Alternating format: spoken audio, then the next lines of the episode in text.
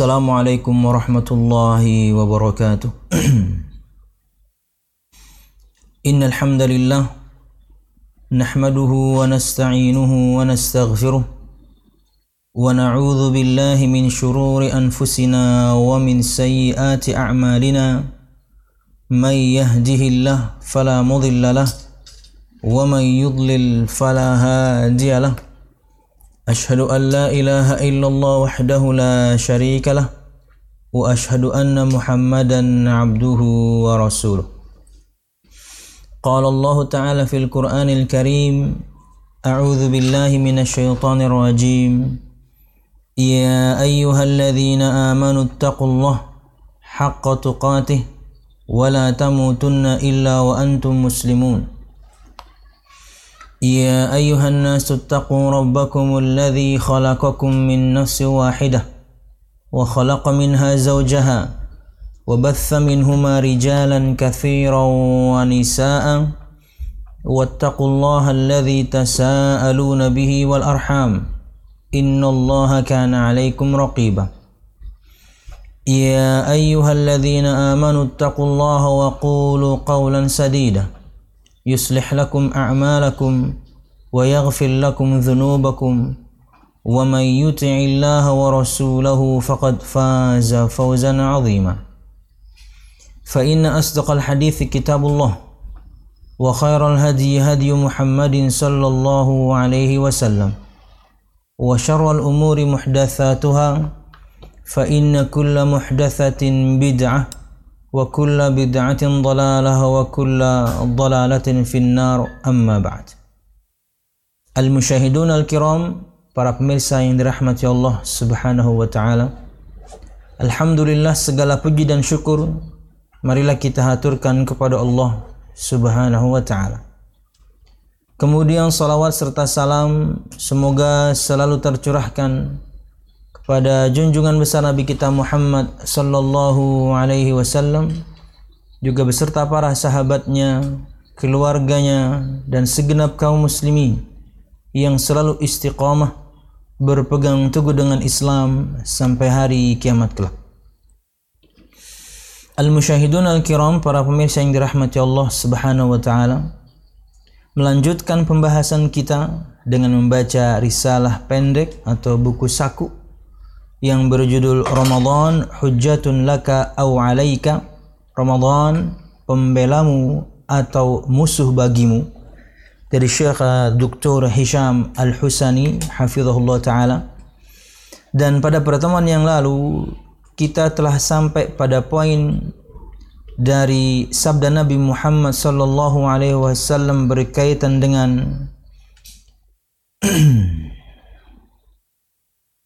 bahwasanya ada salah satu malam di bulan Ramadan yang lebih baik daripada seribu bulan yaitu malam Lailatul Qadar. Maka barang siapa yang diharamkan darinya terhalang untuk mendapatkannya, maka dia adalah terhalang dari kebaikan tersebut. Al-Mushahidun al-Kiram kita sebutkan pada bagian yang terakhir perkataan beliau di sini. Fal muslim idza lam tarji nafsahu fi hadhihi al-awqatil fadilah walam yatub ila rabbih walam yatadzakkar dzambahu famata maka seorang muslim jika dirinya tidak kembali kepada kebaikan di waktu-waktu yang utama seperti ini dan tidak bertobat kepada Tuhannya di waktu-waktu yang utama seperti ini di musim seperti ini di zaman seperti ini dan dia tidak mengingat akan dosanya, kemudian menyesalinya dan segera bertobat, famata sayatu. Maka mau kapan lagi dia akan bertobat?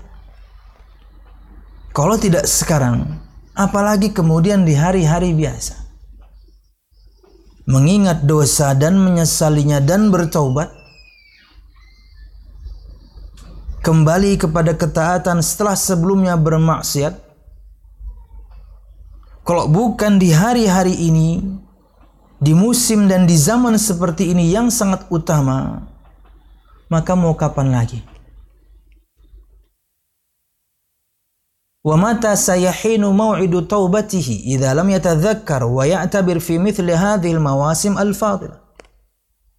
Maka kapan lagi datang waktu taubatnya jika dia tidak mengingat, jika dia tidak bertobat, jika dia tidak mengambil hikmah, mengambil ibrah pelajaran di musim-musim yang utama seperti ini.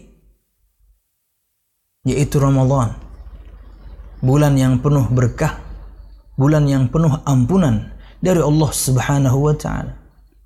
Bulan yang kebaikan-kebaikan padanya dibukakan begitu mudah.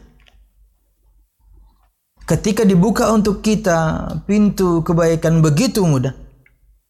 Dikala itu pun kita tidak bertobat, apalagi di hari-hari biasa. Sekarang waktunya memaksimalkan semua amal untuk yang alhamdulillah sudah istiqomah. Sekarang waktunya untuk saatnya kembali kepada ketaatan setelah sebelumnya melakukan kemaksiatan yaitu bertaubat. Fal muslimu alaihi ayastaghilla hadhihi al mawasim wa takunu hujjatun lahu la alaihi Kama qala nabiyuna sallallahu alaihi wasallam. Maka seyogianya seorang muslim semaksimal mungkin memanfaatkan musim yang utama seperti ini hingga kemudian ia menjadi hujjah untuknya, penolongnya. Ramadan itu akan menjadi penolong. Dia akan berkata kepada Allah, "Ya Allah, izinkan aku untuk memberikan syafaat." Hambamu ini di siang harinya dia menahan lapar dan dahaga. Di malam harinya dia menahan kantuk. Baca Quran, salat malam, zikir, istighfar, Izinkan aku memberikan syafaat ya Allah. Bulan Ramadan minta izin untuk memberikan syafaatnya kepada orang-orang yang berpuasa. Maka sioknya untuk seorang muslim kata beliau memanfaatkan semaksimal mungkin zaman ini, waktu ini, musim ini, Ramadan ini. Hingga akhirnya ia nanti menjadi penolong untuknya dan bukan menjadi musuh baginya. Wallahu a'lam bishawab. Ini yang kita sebutkan pada pertemuan yang lalu. Berikutnya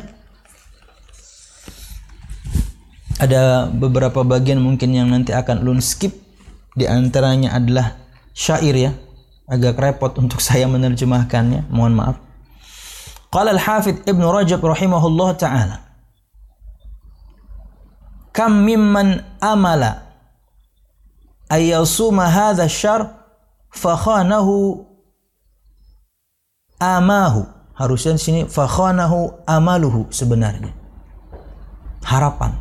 Mungkin salah ketik ya.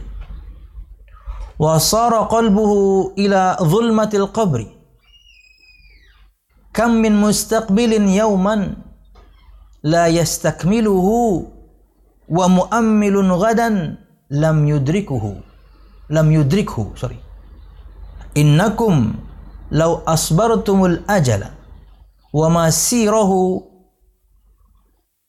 la abghadakum al amalu wa ghar wa ghar wa gharruhu eh uh, la abghadakum al amalu wa gharuruhu wa gharuruhu. Intaha kalamu rahimahullah. Berkata Imam Ibn Rajab rahimahullah taala betapa banyak orang yang berharap untuk berpuasa di bulan ini, di bulan Ramadan, tapi harapannya mengkhianatinya. Karena dia sendiri tentunya tidak mengamalkan amal-amal saleh, hanya berharap. Mudahan ketemu bulan Ramadan, mudahan ketemu bulan Ramadan, tapi dia nggak nanam sejak bulan Rajab. Tapi dia tidak latihan sejak bulan Syaban. Bagaimana kemudian dia akan menuai hasil ketika Ramadan? Enggak bisa. Hanya memiliki harapan-harapan, hanya memiliki angan-angan, hanya ingin semoga ketemu dengan bulan Ramadan. Tapi tidak melakukan persiapan. Makanya kata beliau, fakhanahu amalu. Harapannya sendiri yang mengkhianatinya. Lawang dia enggak melakukan amalan. maka harus persiapan sejak lama sebagaimana sering kita sampaikan faedah ini. Para ulama salafus saleh sejak bulan Rajab mereka kalau istilah seperti berpuasa itu yakni uh, seperti uh, petani mereka nanam di bulan Rajab, mereka menggarap di bulan Sya'ban, mereka panen di bulan Ramadan. Ya. Jadi Sya'ban itu sudah waktunya latihan, Ramadan siap dia untuk melakukan semuanya. Rajab sudah mulai dia. Wasara qalbuhu ila zulmatil qabri. Dan ini keterangan dari dan harapannya mengkhianatinya. Adalah hingga kemudian hatinya kembali kepada kegelapan kubur. Hanya mengharap bertemu dengan bulan Ramadan tak taunya mati. Kan ini masih sambungan dari perkataan sebelumnya. Kalau tidak di hari-hari ini, di bulan ini, di musim seperti ini, di zaman dan waktu yang mulia seperti ini, kita nggak bertobat kapan lagi? Lalu lanjutannya perkataan Imam Ibn Rajab ini. Betapa banyak orang mengharapkan bertemu dengan bulan Ramadan, tak taunya harapannya mengkhianatinya. Maksudnya kematian datang lebih dulu. Nah sekarang kita masih hidup, maksimalkan sekarang. Anda mengharapkan, aduh bulan ini nggak maksimal deh, mudahan tahun depan. Anda belum tentu hidup tahun depan. Semua Anda, saya, semua kita, nggak ada. Nanti malam sudah masuk malam 26. 26, 27, 28, 29 maksimal. Eh, eh kalau, kalau memang cepat kalau kemudian tidak terlihat yakni hilal ya ini Syawal ya mungkin 30. Artinya kasarnya 4 hari lagi. 4 hari lagi. Manfaatkan waktu ini, kesempatan ini untuk bertaubat. Jadikan Ramadan ini sebagai penolong kita nanti di akhirat. Bukan sebagai musuh kita karena kita mengabaikannya. Karena kita tidak memaksimalkan waktunya. Berharap kemudian nanti kita mendapatkan tahun depan hingga kita bisa maksimalkan. Tak tahunya kematian datang kepada kita lebih awal. Harapan kita mengkhianati kita. Maksudnya adalah gelapnya kubur telah datang kepada hatinya. Maksudnya apa? Mati. Kam min mustaqbilin yauman lam yastakmiluhu wa mu'ammilun ghadan lam yudrikhu. Betapa banyak orang yang mengharapkan suatu hari datang tapi tak tanya hari tersebut tidak ada kepadanya. Betapa banyak orang mengharapkan hari esok datang, dia tidak mendapatkan hari esok. Kenapa? Mati hari ini. Jadi jangan nanti-nanti maksudnya. Jadi jangan entar-entar maksudnya. Innakum law absartum al-ajal. Wa masirahu la abghadhum al-amal wa gharuruhu. Sesungguhnya kata beliau jika kalian tahu ajal tahu ke mana kalian kembali sungguh harapan itu mereka akan marah. Maksudnya adalah bahwasanya karena kita tidak tahulah maka kita melaksanakannya hari ini. Kalau kita tahu kita akan meninggal tahun 2035, mungkin kita leha-leha sekarang. Oh, santai. Ajal itu akan marah. Kalau kita sebutkan bahwasanya sifat kemudian bisa berbicara atau bisa memiliki ekspresi gitu ya. Ajal itu sendiri, akhir dari waktu itu sendiri, dia bisa marah. Lawang kita tahu kapan kita akan mati kok. Inilah penutup perkataan beliau. Jika kalian tahu ajal itu dan kalian tahu ke mana tempat kalian kembali, ajal itu akan marah. Ini karena kita nggak tahu. Betul, kalau misalnya kita tahu kapan kita akan mati, ya kita akan berleha-leha mungkin. Alah, masih lama. Saya mati uh, sekian tahun lagi ya nantilah ya, sebulan-bulan terakhir lah sebelum saya mati saya akan taubat. Enggak, enggak ada begitu. Tidak tahu karena kita tidak tahulah kemudian kita manfaatkan sekarang ketika kita hidup untuk memaksimalkan amal.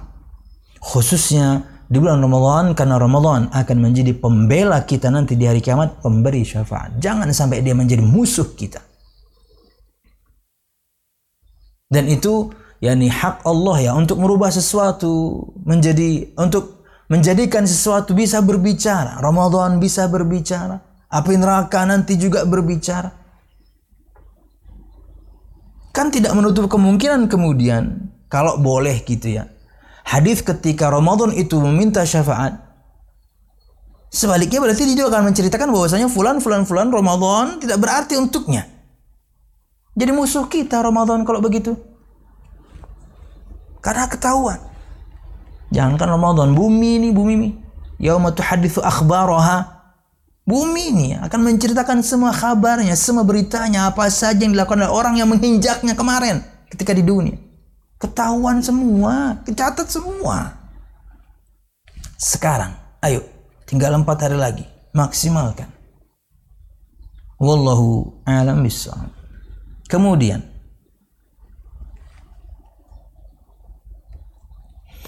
خطب عمر خطب عمر بن العبد العزيز عبد العزيز رحمه الله خطبة فقال فيها إنكم لم تخلقوا عب لم تخلقوا عبثا ولم تتركوا سدى وإن لكم معاد ينزل الله فيه للفصل بين عباده. فقد خاب وخسر من خرج من رحمة الله التي واسعت كل شيء.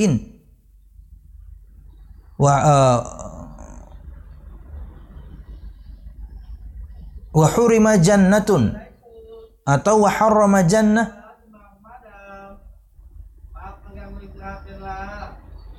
وحرم جنة. as-samawati wal ard Ala tarawna annakum fi aslabil halikin wa si wa sayarithuha ba'dakum al-baqun. Kadzalika hatta turaddu ila khairil warithin. Umar ibnu Abdul Aziz rahimahullah taala berkhutbah pada suatu saat dan dia mengatakan tentunya kalau ada gelar Amirul Mukminin berhak dipegang oleh seseorang setelah yang empat maka beliau berhak memilikinya. Ya disebutkan di masa kepemimpinan beliau itu uh, duit dari Baitul Mal jadi duit dari Baitul Mal dibagikan. Tidak ada yang layak untuk mendapatkannya. Saking makmurnya. Nggak ada fakir miskin jadi duit di Baitul Mal yang seharusnya kemudian diberikan kepada fakir miskin gitu ya. Tidak ada yang berhak menerima. Kenapa? Semuanya makmur. Di masa kepemimpinan beliau. Makanya disebutkan bahwasanya jika boleh gelar Amirul Mukminin disematkan kepada seorang setelah yang empat, beliau berhak mendapatkannya. Dan ini Umar bin Abdul Aziz ini fit itu masih anak turunannya Umar bin Khattab. Ya, dia masih yakni memiliki garis keturunan dengan Umar bin Khattab radhiyallahu anhu. Dan dia di antara jalil kesolehan orang tua berimbas kepada anak cucu cicit. Tahu cerita ketika Umar bin Khattab itu kalau meriksa dadakan itu apa Inspeksi ya. Meriksa dadakan Beliau malam-malam disebutkan Fit melihat keadaan melihat keadaan yakni rakyatnya. Insya Allah masyur cerita ini dan sahih. Bagaimana beliau mendengarkan percakapan seorang nenek-nenek dengan cucunya si pedagang susu. Si pedagang susu. Kata neneknya, kenapa kita tidak campurkan air saja ya? Biar susunya lebih banyak. Ya dong, kalau misalnya total susu yang diperas kemudian cukup untuk 10 botol kasarnya, kalau ditambah air bisa jadi 20 botol. Biarin susunya encer dikit. Wah, kenapa nih mas susunya kok encer? Sapinya puasa pak. Kan bisa aja bikin alasannya. bisa aja. Manisnya kurang, tambahin gula dikit. Pakai pemanis. Bisa lah, curang bu bisa. Kenapa tidak ditambahkan air saja hingga kemudian dia bisa lebih banyak? Apa kata anak tersebut atau kata cucunya? Jika Umar bin Khattab mengetahui kita curang dalam berdagang, celaka kita. Kata neneknya, alah bahasa kita gitu ya. Umar nggak tahu, ini malam-malam juga ini. Padahal Umarnya lagi nguping atau lagi mendengarkan. Bukan nguping gini ya, kesannya tuh nggak enak banget gitu. Umar nggak dengerin juga anhu. Apa kata anak tersebut atau cucunya? Bagaimana dengan Allah Subhanahu wa taala yang Maha Melihat dan Maha Mendengar? Mendengar perkataan perempuan ini Umar bin Khattab langsung pulang. Tengah malam itu langsung bangunin anak-anaknya yang laki-laki. Lagi enak-enak tidur dibangunin, kemudian sahur enak pit ini lagi-lagi naik tidur dibangunin, langsung di, eh, ditawarkan, ayo siapa yang mau nikah? Lu kaget itu. Ruh baru, mungkin ruh baru. Kasarnya gitu ya. Ini bahasa kita doang ya. Harusnya ruh ya ada di dalam. Kalau enggak kita mati. Walaupun disebutkan ketika bermimpi, ruh itu keluar sebenarnya. Makanya kita disebutkan tidur itu adalah kematian kecil. Belum sempurna nih. Hah, Hah ada apa bah? Masih ya, belum sempurna lah. Ayo, siapa yang mau nikah? Salah satu anaknya merespon langsung. Kenapa? Karena yang nawarin bapaknya. Dia tahu bagaimana solehnya bapaknya. Dia tidak akan memilihkan untuk anaknya kecuali wanita soleh. Saya pak. Singkat cerita, nanti nggak selesai baca ini. Singkat cerita mereka menikah. Ya. Dan anaknya itulah kemudian menjadi yakni uh, Umar bin Abdul Aziz. Ada dua atau tiga, uh, ada beberapa orang lah tentunya di antara mereka. Ya. Wallahu alam bisawab. Jadi dia adalah anak keturunan yakni Umar bin Khattab. Kesolehan orang tua berimbas kepada anak hingga kemudian menjadi pemimpin yang sukses. Nah, Suatu suatu ketika beliau pernah berkhutbah disebutkan. Kata beliau, "Innakum lam tukhlaqu abathan wa lam tutraku sudah." Sesungguhnya kalian tidak diciptakan sia-sia dan tidak ditinggalkan begitu saja. Artinya kita diciptakan ada tujuannya. Allah nggak menciptakan kita atau makhluknya yang lain kemudian tanpa tujuan gitu. Ah iseng ah ciptain ini, ciptain itu. nggak ada Allah nggak. Semuanya ada maksudnya. Wa inna lakum ma'adun yanzilullah yanzilullahu fihi lil fasli baina ibadi. Dan sesungguhnya untuk kalian kata Umar bin Abdul Aziz ada tempat kembali. Semua kita ini ada tempat kembalinya. Ya surga ya neraka. Inilah prinsip seorang muslim. Bahkan ini salah satu persaksian kita akan surga itu benar adanya, neraka itu benar adanya. Kita punya tempat kembali. Kata beliau, sesungguhnya kalian tidak diciptakan sia-sia. Sesungguhnya kalian tidak ditinggalkan begitu saja. Artinya kalian diciptakan itu ada maksud dan tujuan. Sampai iblis pun diciptakan ada maksud dan tujuan, bukan berarti Allah suka. Kalau soal suka atau enggak, ngapain Allah menciptakan iblis yang ngerecokin? Enggak dong. Allah ciptakan bukan berarti Allah cinta. Allah ciptakan dia ujian untuk orang-orang yang beriman. Dan sesungguhnya untuk kalian ada tempat kembali. Di mana Allah Subhanahu wa taala akan turun pada hari itu untuk menyelesaikan semua urusan hambanya. Hah? Akan dipertanyakan semua amal kita ini. Tentang umur, tentang masa muda, tentang ilmu, tentang harta, semua. Yang paling utama tentang sholat. Faqad khaba wa khasira man kharaja min rahmatillah allati wasi'at kulla syai'in maka telah yakni uh, faqad khaba wa khasira maka yakni merugilah orang-orang yang keluar dari kehidupan dunia dia keluar dari rahmat Allah keluar dari kasih sayang Allah. Di mana kasih sayang Allah itu luasnya seluas kulla segala sesuatu. Lebih luas daripada segala sesuatu. Rahmat Allah maha luas ampunan Allah maha luas. Rugi kata beliau. Orang yang keluar dari dunia ini dan dia tidak mendapatkan rahmat Allah Subhanahu wa taala. Rugi kita kalau misalnya nanti selesai bulan Ramadan dan dosa kita tidak tidak diampuni. Waktu mustajab, eh, waktu yang spesial, musim yang utama. Tentunya kita tidak memanfaatkannya untuk meminta ampun kepada Allah, rugi kita. Merugilah orang yang keluar dari rahmat Allah. Di mana rahmat Allah itu lebih luas dibandingkan apa pun. Wasiat kulla syai. Dan merugilah orang yang diharamkan surga untuknya. Di mana luasnya seluas langit dan bumi. Karena tidak Allah ampuni. Ala tarawna annakum fi aslabil halikin wa sayarithuha ba'dakum al-baqun. Tidakkah kalian melihat diri kalian bahwasanya kalian bagian dari orang-orang yang akan binasa dan yang nanti akan mewarisi kebinasaan kalian yang melanjutkan anak cucu kalian. Makanya tadi ulun sebutkan di awal cerita tentang Umar bin Abdul Aziz. Kesalehan orang tua itu berimbas kuat kepada kesalehan anak dan cucu dan cicit. Buruk kita sekarang, buruk kita sekarang. Tidak memaksimalkan umur kita sekarang.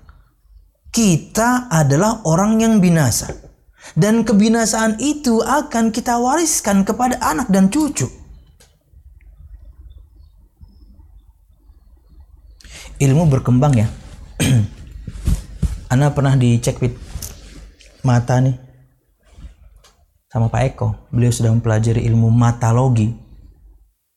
Ilmu yang mempelajari segala hal yakni emosi, penyakit, dan lain sebagainya, tapi dilihat dari mata. Jadi ada, Pit, berdasarkan ilmu tersebut, Ana ingin sampaikan bahwasanya terkadang keburukan itu memang diturunkan dan itu tertoreh di mata ini. Keburukan dalam artian berdasarkan ilmu itu di antara yang paling zahir tentunya adalah pola hidup. Karena bahasanya juga ke sana tertoreh. Di mata ini tuh ada bekasnya. Antum kalau lihat mata ini Pit dengan kamera yang sangat dekat di dalamnya itu seperti space itu apa sih? Seperti ruang angkasa luar wah, luar biasa ciptaan Allah ya. Mata kita sendiri pada begitu di zoom out, nah ini nih. Penyakit-penyakit itu ada yang terleh di dalam di bagian kalau kita nih bagian coklatnya ini apa sih istilahnya lupa saya? Nanti kemudian tanda-tanda penyakit dan lain sebagainya. Ada masalah emosi, ada masalah dengan orang tua, ada masalah uh, dengan pasangan, ada masalah dengan anak. Di masa lalu dan juga sekarang itu di bagian putihnya ada urat-uratnya menunjukkan itu semuanya. Tapi ada kemudian yang tidak bisa hilang dan itu turunan. Di antaranya keburukan tertoreh di bagian dalam sini berdasarkan ilmu ilmu berkembang. Saya tanya dong, Wit. Pak, gimana soal asupan makanan? Halalnya asupan makanan orang tua kita, kita, kita ke anak. Tertoreh nggak? Itu inti bahasannya. itu bahkan yang paling jelas.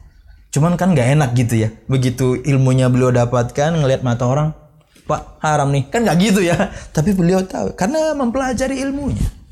Contoh, uh, Anu sudah bilang sama beliau, Pak ya, jadi narasumber ini jalan hijrahku beliau mau. Insya Allah nanti kita akan berbagi. Luas sekali subhanallah. Ilmu berkembang. Nah mudahan ini bukan cok kali cok ya Fit ya? Kalau kita lihat sabda Nabi Muhammad kalau kita tahu sabda Nabi Muhammad SAW Lau kana syai'un sabiqul qadari lakana al-ain.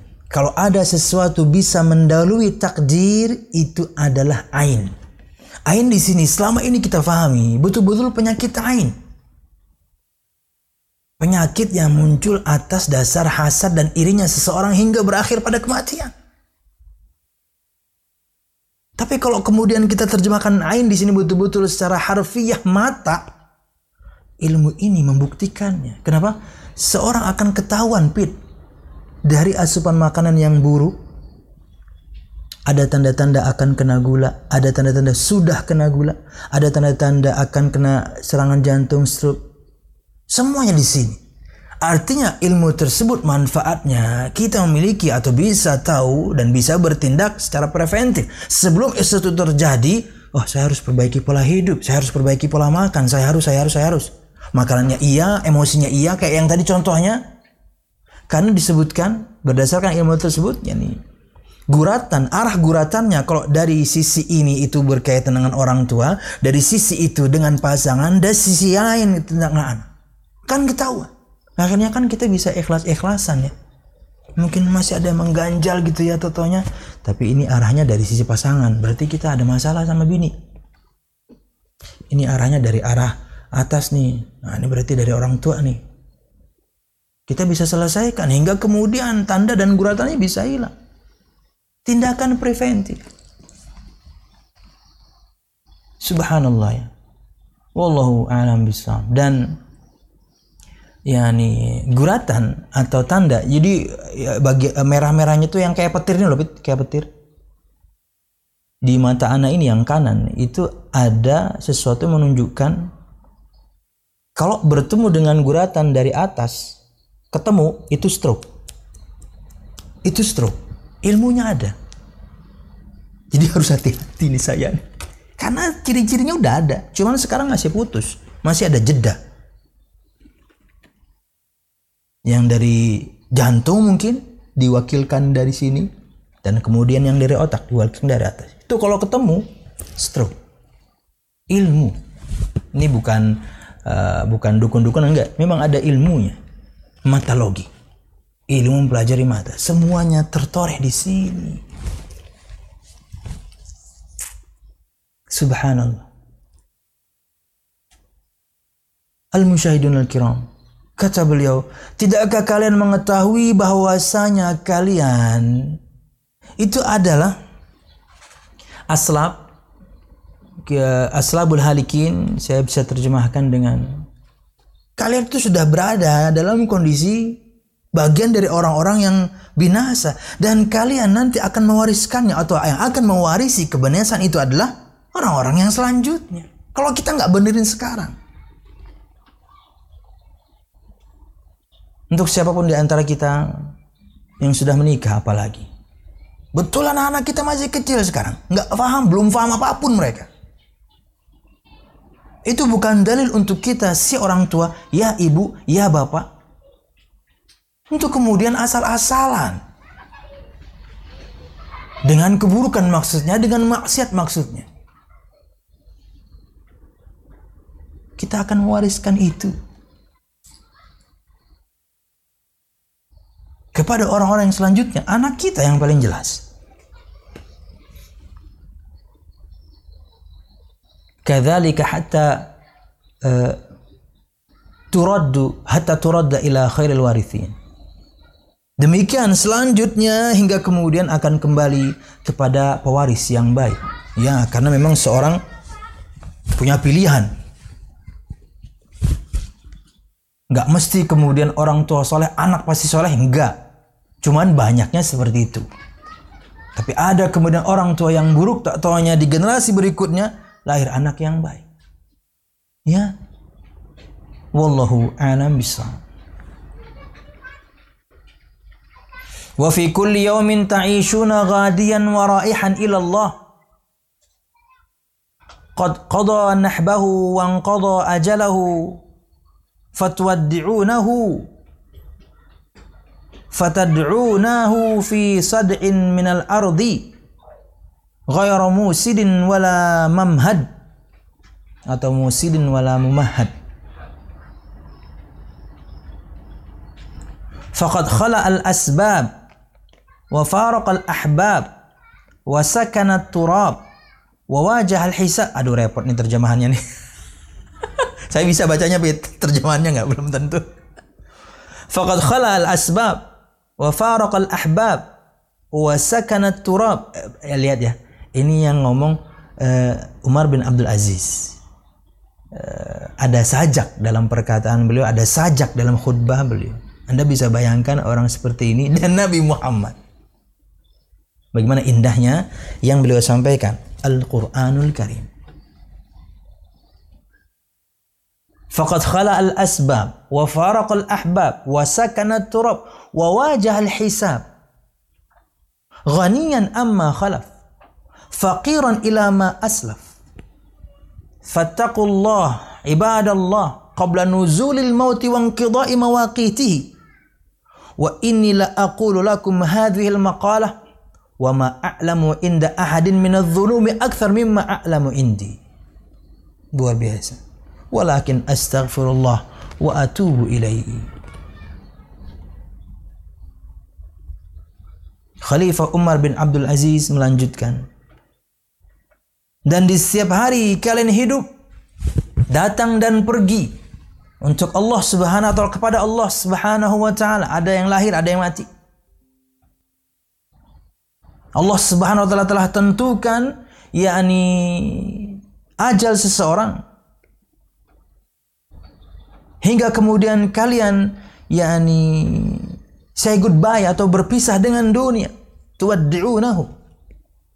Dengan kehidupan kalian mengatakan wada selamat tinggal. Dan kemudian kalian ada di dalam bumi tanah tentunya tempat yang tidak nyaman tidak ada tempat untuk bersandar, tidak ada tempat kemudian untuk sender santai. Enggak, di tanah udah. Faqad khala al-asbab wa faraq al-ahbab. Dia telah melepaskan sebab-sebab kehidupan, udah mati. Dia telah meninggalkan orang-orang yang dia cintai, dia berpisah. Dan sekarang sakana turab, dia tinggal di tanah wawajal hisab dan dia sekarang akan menghadapi perhitungan.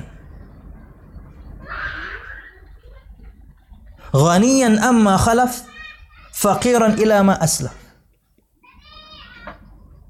Dia sangat membutuhkan segala sesuatu yang telah terlewatkan oleh dia. Banyak kebaikan yang terlewatkan. Dia butuh itu padahal. Faqiran ila ma aslaf. Dia menjadi orang yang fakir sangat membutuhkan kepada sesuatu yang kemudian juga sudah dia tinggalkan. Sekarang udah mati, nggak bisa ngapa-ngapain. Kata beliau, "Fattaqullaha ibadallah." Maka bertakwalah kepada Allah, hai hamba Allah. Qabla nuzulil mauti wa inqidha'i mawaqiti. Sebelum turunnya kematian dan waktu itu habis. Wa inni la aqulu lakum hadhil maqalah. Dan sesungguhnya aku betul-betul mengatakan perkataan ini wa ma a'lamu inda ahadin minadz-dzunub akthar mimma a'lamu indi. Dan aku mengatakan perkataan ini menasihati untuk bertakwa.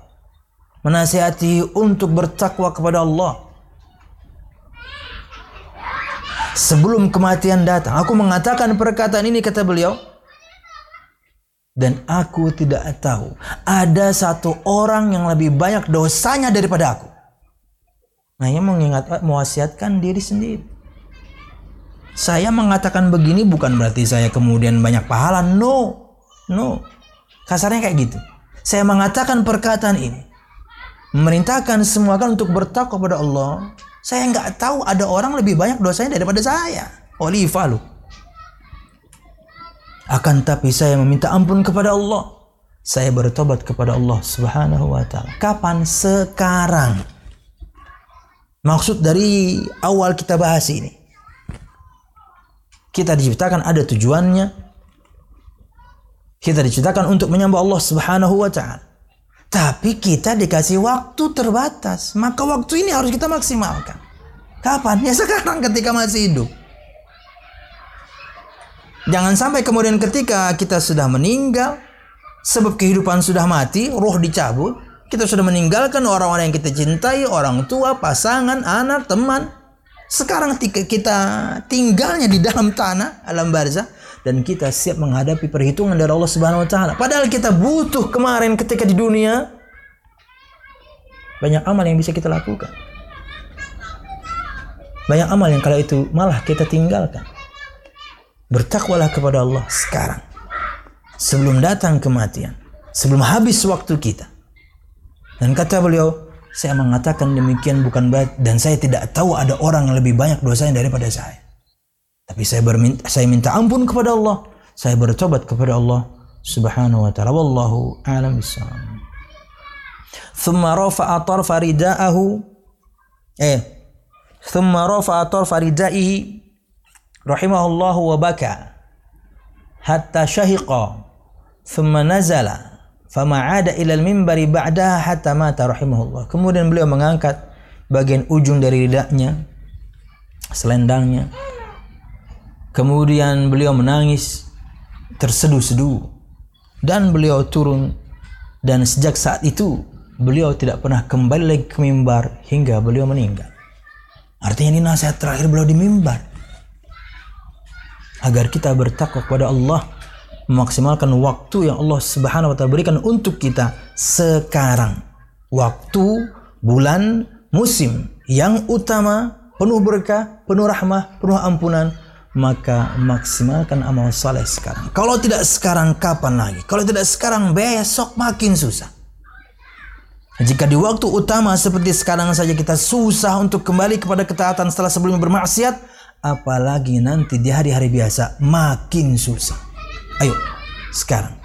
Wallahu a'lam bishawab.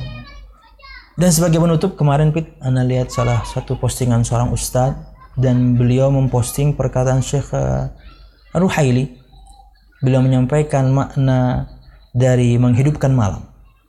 Makna dari Nabi Muhammad menghidupkan malam itu betul-betul begadang. Begadang. Jadi itu yang ditafsirkan oleh para ulama ketika uh, memaknai sabda Nabi Muhammad ahya lailahu Nabi Muhammad menghidupkan malamnya. Betul-betul nggak tidur. Dilawan kantuknya. Karena keutamaan malam-malam ini. Kenali fadilah sebuah amal, ini saya kita kemudian akan yakni uh, bersemangat menjalankan amal tersebut. Wallahu a'lam bishawab. Kemudian di sini disebutkan uh, syair, uh, mohon maaf saya tidak bisa artikan tapi kurang lebih semakna dengan perkataan Imam Ibn Rajab, semakna dengan perkataan Khalifah yakni Umar bin Abdul Aziz. Dan kita tutup هكذا يذكر السلف رحمه الله رحمهم الله يذكرون أنفسهم ويذكرون آه, آه يذكر. هكذا يذكر السلف رحمه الله رحمهم الله سبحانه وتعالى. يذكرون أنفسهم ويذكروننا بفضل هذا الشهر وفي عظيم جزاء جزاء الله في من استغله وأحسن استغلاله. Seperti inilah dulu ulama salafus salih. Dua di antara yang kita sebutkan. Umar bin Abdul Aziz, Imam bin Rajab dan yang lain. Begitulah dahulu ulama salafus saleh rahimahumullah subhanahu wa taala mengingatkan diri mereka dan mengingatkan kita akan keutamaan bulan ini karena semuanya itu berkaitan dengan bulan Ramadan. Peringatan-peringatan itu berkaitan dengan bulan Ramadan agar kita memaksimalkannya sekarang. Karena kita hidupnya sekarang.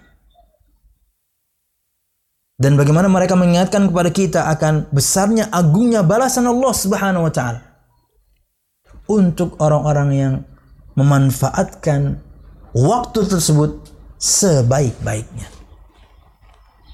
Karena pahalanya luar biasa. Kita akan sebutkan insya Allah di pertemuan mendatang tapi teasernya bahwasanya puasa itu kata Allah untukku dan aku yang akan membalasnya. Wallahu a'lam bisawab. Ini yang bisa kita sampaikan dan bermanfaat salah dan khilaf. Ulun mohon maaf. Dan kajian kita diberkahi Allah Subhanahu wa taala. Amin. Ya rabbal alamin. berkaitan dengan apakah kita akan selesai dari buku saku ini wallahu bisa kita usahakan semaksimal mungkin besok dan juga mungkin lusa masih kita bisa ketemu Senin masih bisa masih Senin masih masih masih masih, masih bisa kayaknya lihatlah lihat keadaan yang besok dan lusa insya Allah mudah bisa kita selesaikan kalau enggak ya kita lanjutkan eh, tahun depannya kalau kita panjang umur amin ya. Bisa maka jangan sampai Ramadan menjadi musuh untuk kita. Jadikan Ramadan sebagai penolong kita, pemberi syafaat kita, karena kita memang di bulan ini memaksimalkannya, di musim ini memaksimalkannya untuk beribadah kepada Allah Subhanahu wa taala dengan berbagai macam ibadah.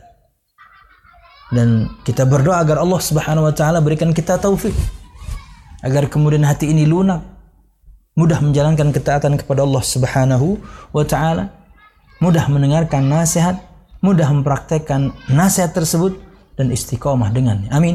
Ya Rabbal Alamin. Subhanakallahumma bihamdika. Ashhadu an la ilaha illa anta astaghfiruka wa atubu ilaik.